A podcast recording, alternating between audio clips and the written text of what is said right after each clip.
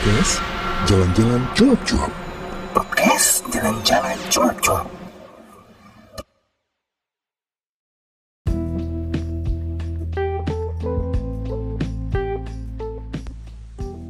Hai, Assalamualaikum warahmatullahi wabarakatuh. Selamat pagi, siang, sore, dan malam Di mana pun kamu berada. Yang jelas sih Sekarang ini aku rekamannya itu untuk podcast ini Malam, jam hampir jam 12 malam Dan pastinya kamu masih barengan Dana nih di podcast Jalan-Jalan Cuap-Cuap Bakal ngomongin segala sesuatu yang berhubungan dengan traveling. Ini kayaknya malam ini gue akan ngomongin yang agak berat gitu ya. Jadi masih berhubungan dunia traveling cuman gue nggak akan cerita jalan-jalan gue nggak akan kasih tip traveling tapi gue mau ngomongin pariwisata. Waduh berat banget. Ya pariwisata kota Batam gitu jadi asal lo tahu aja gitu ya Batam itu kan dulu dikenalnya adalah sebagai kota industri. Di mana di sini tuh jadi kayak percontohan uh, kawasan industri gitu. Jadi emang beneran gitu. Jadi di sini banyak komplek-komplek perusahaan industri besar gitu dengan dormitorinya dengan area-area yang sudah disusun gitu sudah rapih tata kotanya gitu. Tapi belakangan beberapa belakangan tahun ini industri melesu ya gue nggak tahu ya karena banyak faktor sebenarnya nanti kalau gue bahas agak melenceng gitu karena ini memang berhubungan dengan kebijakan yang katanya tidak bersahabat dengan para investor akhirnya para investor itu hengkang gitu. Akhirnya Batam sempat mengalami yang masa suram. Jadi sektor industrinya habis, kemudian gitu untuk industri Sipiat yang dulunya menjadi andalan juga habis karena ini adalah supporting untuk oil and gas. Oil and gas turun, ya udah gitu ya. Nah akhirnya melirik nih uh, pemerintah setempat kayaknya memang ada potensi lain yang belum digarap secara serius, yaitu adalah potensi pariwisata. Nah, seperti kita ketahui bahwa uh, Batam ini menjadi salah satu destinasi wisata favorit di Indonesia gitu ya. Ada yang bilang Tribi, Bandung, Batam, Bali gitu. Pokoknya tiga itu deh gitu. Nah, akhirnya orang berpikir kayaknya oke okay juga nih kalau kita Batam fokus ke industri pariwisata. Tapi yang menjadi pertanyaan, apakah benar orang datang ke Batam ini untuk berwisata ke Batam? Itu sih kalau gue gitu. Karena memang kalau kita lihat nih, kalau gue nggak jauh-jauh lah ya, nggak ngomongin yang di luar sana, tetapi di lingkungan terdekat gue gitu, uh, tempat kerja gue, memang sih Batam ini menjadi salah satu tempat favorit buat meeting, buat kayak training, kayak workshop gitu. Jadi kayak event-event pegawai negeri itu juga biasa melakukan acaranya itu di Batam gitu. Dengan harapan apa? Bisa ke Batam terus bisa deh melipir jalan-jalan ke Singapura atau ke Johor Baru. Nah itu sekarang yang jadi pertanyaan. Jadi Batam itu nggak jadi apa ya nggak jadi pusat of interest gitu nggak jadi pusat perhatiannya orang kedatang ke sini bukan hanya karena Batam. Itu. Dan kalau oke okay, kita coba mengulik beberapa uh, dan Batam jujur Batam nggak punya ikon yang yang benar-benar menjual. Oke okay sih kita punya jembatan Barelang ya satu jembatan yang menghubungkan Batam Rempang dan Galang. Tapi apakah cukup ikonik itu? Wah karena pariwisata itu kompleks loh kalau gue bilang. Nggak cuman butuh satu ikon tapi pertama butuh infrastruktur. Nah, terus butuh yang namanya atraksi dan event. Dan ini harus berkelanjutan. Dan paling penting juga adalah promosi yang berkelanjutan. Wow, gila ya omongan gue semakin berat. Tapi oke okay, gue buat melihat ya dari sisi seorang travel blogger ini gitu. Gue juga bukan bukan ahli di bidang wisata. Gue itu hanya user, pengguna gitu ya. Nah, kita lihat diri nih dari infrastruktur. Batam is okay lah kalau gue bilang gitu ya. Untuk jalannya sekarang tambah lebar karena memang uh, kota ini kan blueprintnya dulu dibuat sama si Habibi. Bapak Habibi yang bikin gitu. Jadi memang sudah bagus tata kotanya. Lo bayangin ya sekarang itu juga uh, ini sekarang memang jalan ini dilebarin kembali sesuai dengan blueprintnya itu satu jalur bisa memuat 8 larik ini satu jalur loh gitu lo bayangin kalau gue sih ngebayangin bahwa ini satu saat nggak cuma hanya jadi jalur mobil tapi dibagi. Ada Trans Batam kemudian nanti ada jalur sepeda gitu. Ini di luar dari jalur hijau dan uh, trotoar. Gila nggak? Gitu. Tapi yang terjadi apa? Gitu. Kita udah punya infrastruktur bagus tapi kita nggak punya transportasi yang memadai. Ada sih Trans Batam tapi kayaknya sih kalau gue bilang ya nggak terlalu apa ya belum lah belum untuk untuk kalau ini menjadi tempat wisata ya transportasi daratnya nggak kayak gitu gitu. Jadi yang secara fisiknya juga tidak bagus kemudian juga durasinya yang ya bisa setengah jam itu kan nggak nyaman gitu. Juga destinasinya yang tidak terlalu banyak pilihan. Sekarang mungkin udah lebih banyak rute ya ada 8 kalau nggak salah.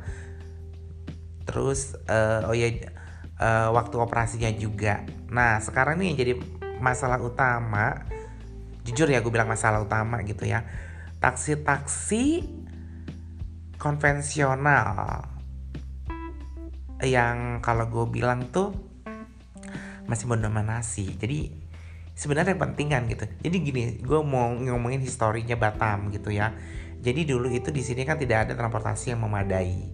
Satu-satunya alternatif yaitu adalah taksi. Di eranya taksi ini sangat merajai di Batam gitu. Jadi ya mau nggak mau lo mesti naik taksi gitu dan kayaknya cara cepat buat dapat duit di Batam dulu ya itu dengan jadi super taksi dan ojek gitu karena pada saat uh, judi masih diperkenankan di sini banyak tuh orang-orang Singapura yang berjudi di sini Nah mereka kalau ke mana-mana tuh naik taksi dan ojek. Nah si tukang taksi dan tukang ojek ini jadi biasa mendapatkan uang besar. Jadi bukan uang kecil atau receh gitu. Nah akhirnya zaman berubah dong gitu ya. Masuklah taksi uh, bukan taksi online tapi taksi plat biru yang lebih punya standar apa ya kalau gue bilang standar harga yang jelas terus gitu standar pelayanan yang jelas akhirnya konflik nih antara taksi konvensional yang biasa enak cari duit ini konflik. Bukan konflik sih berkompetisi tidak sehat gitu. Nah akhirnya tidak bolehlah si taksi-taksi ini masuk ke beberapa area umum seperti bandara gitu ya. Taksi yang bagus nih ya gitu. Karena memang si taksi-taksi konvensional ini dikuasai oleh beberapa oknum. Kasar ngomong tuh buat cari duit si aparat-aparat lah gitu. Nah itu sekarang itu masih ada. Jadi kayak taksi online pun itu tidak bisa masuk bandara, tidak masuk pelabuhan, tidak bisa masuk mall. Nah dan ini kalau gue bilang itu sangat-sangat tidak mensupport uh, industri pariwisata gitu. Jadi sebenarnya para wisatawan ini bukan cari yang murah untuk pelayanan transportasi tapi yang nyaman dan ada jaminan pelayanan gimana lo mau ngerasa nyaman kalau taksi konvensional ini kadang-kadang suka-suka aja menerapkan tarifnya. Atau pelayanannya juga kadang-kadang kurang sopan lah. Jadi kalau gue pernah sih pengalaman gue tawar gitu ya udah kata dia kalau mau segini nggak apa-apa tapi AC gue matiin. Wah gila ya gitu.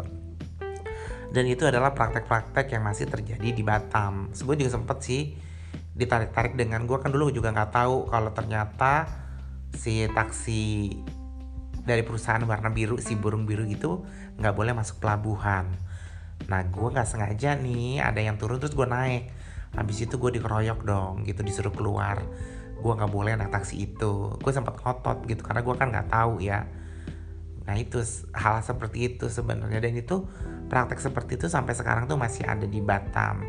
Jadi gue bilang sih agak lucu juga kalau uh, pemerintah setempat itu proyeksinya mau pakai pariwisata gitu. Karena ya pariwisata gue bilang kompleks. Itu bagaimana lo membuat orang nyaman dan pengen balik lagi, bukan orang kapok. Itu masalah soal transportasi. Soal masalah ikon Nah, ikon ini sebenarnya Barelang nih kalau gue bilang jembatan Batam, Rempang dan Galang ini sebenarnya ikoniknya kuat gitu. Cuman lo ngapain gitu? Lu cuman mau ke kampung Vietnam. Lu cuman mau ke pantai-pantai. Yang kalau di tempat lain juga ada dan lebih bagus.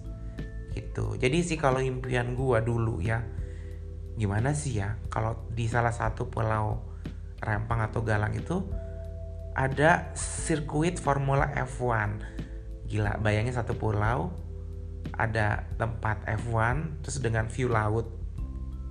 Itu impian gue sih nggak tahu impian orang lain udah itu nah jadi kita ini kan memang tadi itu balik lagi. Kita nggak punya uh, ikon yang kuat dan produk wisata yang bisa dibanggakan. Bisa sih ada sih produk pariwisata yang yang mungkin dicari orang gitu ya. Tapi image-nya nggak bagus yaitu pertama belanja barang KW jadi kalau lo mau belanja tas-tas KW sepatu-sepatu KW itu di Batam. Itu secara image kan nggak bagus. Terus lo wisata sorry wisata spa dan wisata spa plus plus. Udah bukan rahasia umum lagi deh. Orang uh, orang Indonesia Malaysia ataupun Singapura tuh kalau mau spa yang agak-agak nakal tuh di Batam dan pilihannya banyak. Nah, gimana cara yang merubahnya? Ini yang tadinya plus-plus ini menjadi spa sehat gitu. Itu. Kalau kuliner sih oke okay lah gitu di Batam itu gue bilang tuh banyak sebenarnya itu tidak ada kuliner asli Batam tetapi bentuk akulturasi budaya percampuran tapi oke okay karena banyak uh, budaya di sini banyak makanan enak kok di Batam gitu dan itu sebenarnya bisa dijual. Nah, ngomongin kuliner lagi gitu ya. Jadi sebenarnya kan kita di sini di Batam uh, punya satu tempat kuliner yang sebenarnya nggak sengaja di depan Welcome to Batam nih. Itu sebabnya uh, tempatnya di dekat Masjid Raya. Itu sekarang tuh banyak orang dagang di situ. Gitu dan dan itu menjadi salah satu destinasi wisata kuliner wisatawan lokal. Kenapa gue bilang wisatawan lokal? Ya karena yang datang cuma orang-orang lokal aja. Gitu. Kalau orang karena tempatnya itu kurang representatif ya buat warga Singapura gitu karena mereka kan punya standar sanitasi yang tinggi ya gimana lo mau makan di tempat yang kalau sumber air nggak jelas kemudian tempatnya nggak rapi kemudian juga nggak ada jalur jalur apa jalur listrik dan sebagainya nah itu yang gue sayangin kenapa sih instansi terkait tuh nggak tanggap gitu ya ini dirapihin kemudian ini men diresmikan menjadi salah satu ikon wisata kuliner karena juga secara positioning dekat dengan Welcome to Batam, Masjid Raya, pelabuhan dan mall. Tapi gue gak tahu kalau ada kepentingan lain gitu. Nah itu sebenarnya yang gue sayangkan. Jadi yang dibangun nih promosinya kenceng ke mana-mana secara digital. Dan yang agak menyayang gue sayangkan juga bikin beberapa wisata yang konon katanya milenia gitu ya. Yang apalah-apalah buat foto orang datang sekali terus lupa gitu. Kenapa tidak membangun yang sudah ada gitu. Dan kita sih memang cenderung orang-orang kita ini sesuatu yang instan gitu. Jadi maunya sih langsung jadi gitu ya. Langsung jadi dan bisa dijual dan menghasilkan uang.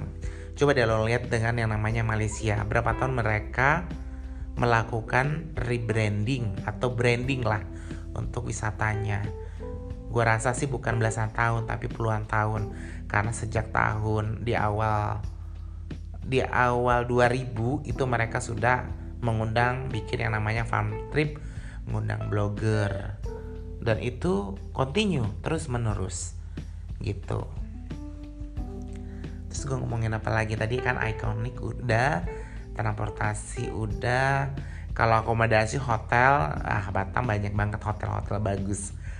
Hampir setiap tahun itu ada hotel baru di Batam. Walau konon nih katanya kondisi ekonominya nggak bagus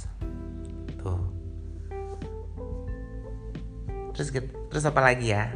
Itu transportasi udah uh, oleh-oleh udah. Eh oleh-oleh belum lah ya. Oleh-oleh se sebenarnya itu kita butuh sesuatu yang unik lah dari Batam untuk bisa dibawa pulang dan orang terkenal terkenang gitu. Jadi sih sebenarnya gue bilang uh, pariwisata yang bagus itu adalah ketika orang itu merasa memiliki kenangan positif gitu ya di di sini di Batam kemudian pengen balik lagi itu tapi mungkin salah satu kenangan positifnya adalah pijet ya gitu emang sih kalau yang itu tuh nggak akan ada matinya sih di Batam sendiri Wah, omongan makin berat nih. Oh iya, dan untuk kamu mungkin yang mau uh, menanggapi ya, menanggapi kalau gue bilang sih cuap-cuap, tapi mungkin bilang yang ngebacot gitu ya. Silahkan aja. Dan kamu bisa email aku atau mungkin menghubungi media sosial aku. Email aku di latarcity.gmail.com. Media sosial aku itu ada Twitter dan Wahyu, ada juga uh, Instagram dan uh, dengan Wahyu juga tuh gue ngeblank nih udah jam sumpah udah di atas jam 12 ya udah ngantuk ngomongnya udah ke mana-mana gitu aja sih menurut gue nah jadi semoga ini bisa menjadi masukan bagi kita semua gitu ya bagi penggiat pariwisata di Batam gitu. Semoga ada sesuatu nih yang bisa dijual gitu. Oh iya satu lagi event gitu ya. Di Batam ini banyak banget yang namanya event. Dan kalau gue bilang hampir tiap minggu itu ada event tapi yang gue sayangkan nggak ada kalender event lo lihat di negara tetangga Singapura gitu mereka satu tahun maunya mereka ini 2020 besok itu sekarang ini udah ada nih kalender event pariwisata untuk tahun depan gitu. Nah, jadi kan kalau udah ada kalender pariwisata paling enggak orang itu akan merencanakan untuk datang gitu. Jadi pesawat apalah segala macam. Sehingga probabilitas orang datang itu akan lebih besar. Dan kalau direncanakan jauh-jauh hari itu promosinya juga akan jauh lebih panjang dan lebih mudah daripada acara yang dadakan. Gitu menurut gue ini gitu. Dan di Batam juga sekarang ada si ikon baru nih kayak masjid. Aduh lupa gue namanya. Pokoknya itu masjidnya di daerah Sagulung uh, masjid itu adalah masjid terbesar nomor 2 yang ada di Sumatera. Kita hitungannya Sumatera nih gitu. Dan itu sebenarnya bisa menjadi ikon baru kota Batam ya gitu. Wisata religi. Tapi apakah semudah itu gitu? Karena untuk menjadi sebuah ikon itu tidak hanya bangunan fisik.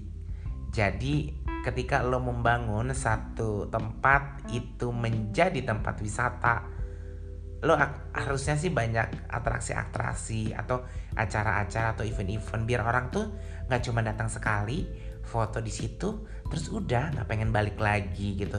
Tapi kalau bayangkan itu tempat umpamanya ada uh, tempat wisata kuliner halal wah itu bakal seru banget. Terus ada kayak apa ya mungkin kayak tempat perpustakaan muslim buat anak-anak gitu yang setiap minggunya bisa ada satu kegiatan lomba atau apa pun itu akan jauh lebih bagus.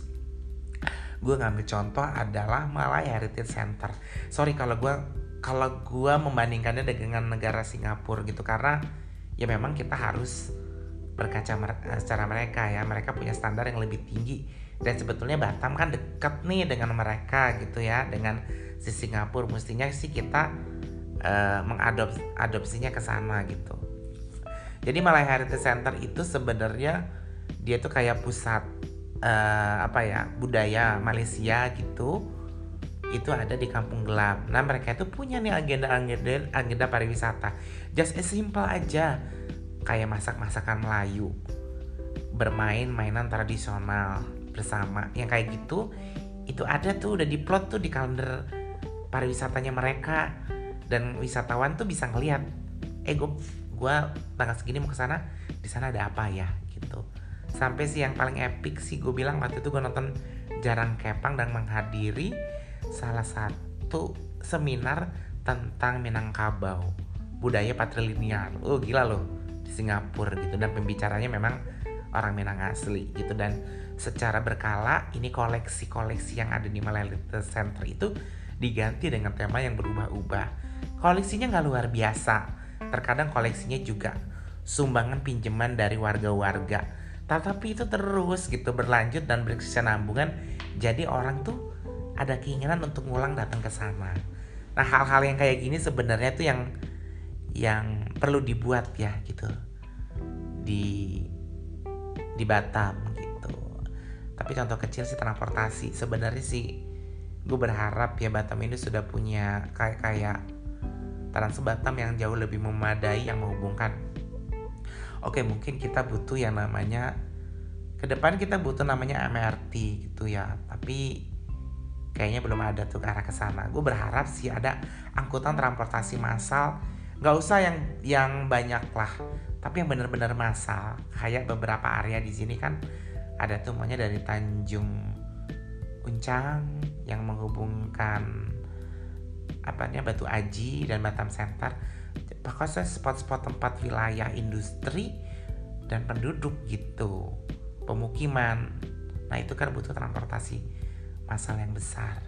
Itu baliknya gue transportasi massal will sih lah gitu berharap sih Batam menjadi lebih baik ya. Dan udah setahun ini sih perekonomiannya kembali setelah beberapa tahun belakangan itu terpuruk gitu. Dan gue juga maunya Batam jadi destinasi wisata favorit yang lebih positif lagi bukan pusat barang-barang KW ataupun tempat pijat plus plus gitu ya wis untuk kamu yang mau berkomentar silakan. Dan aku meminta maaf ya kalau ada kata-kata yang kurang berkenan atau mungkin ada pihak-pihak yang tersindir. Punten banget, maaf banget ya. Dan untuk kamu uh, yang mau dengerin ini langsung aja dicatat podcastnya ya. Jangan diingat-ingat pokoknya podcast jalan-jalan cuap-cuap bareng Danan Wahyu gitu. Dan kamu juga bisa kasih saran mau ngobrolin apa, mau ngomongin apa, silakan. Dan akhir kata aku mengucapkan wassalamualaikum warahmatullahi wabarakatuh dan selamat malam karena sekarang sedang malam di sini.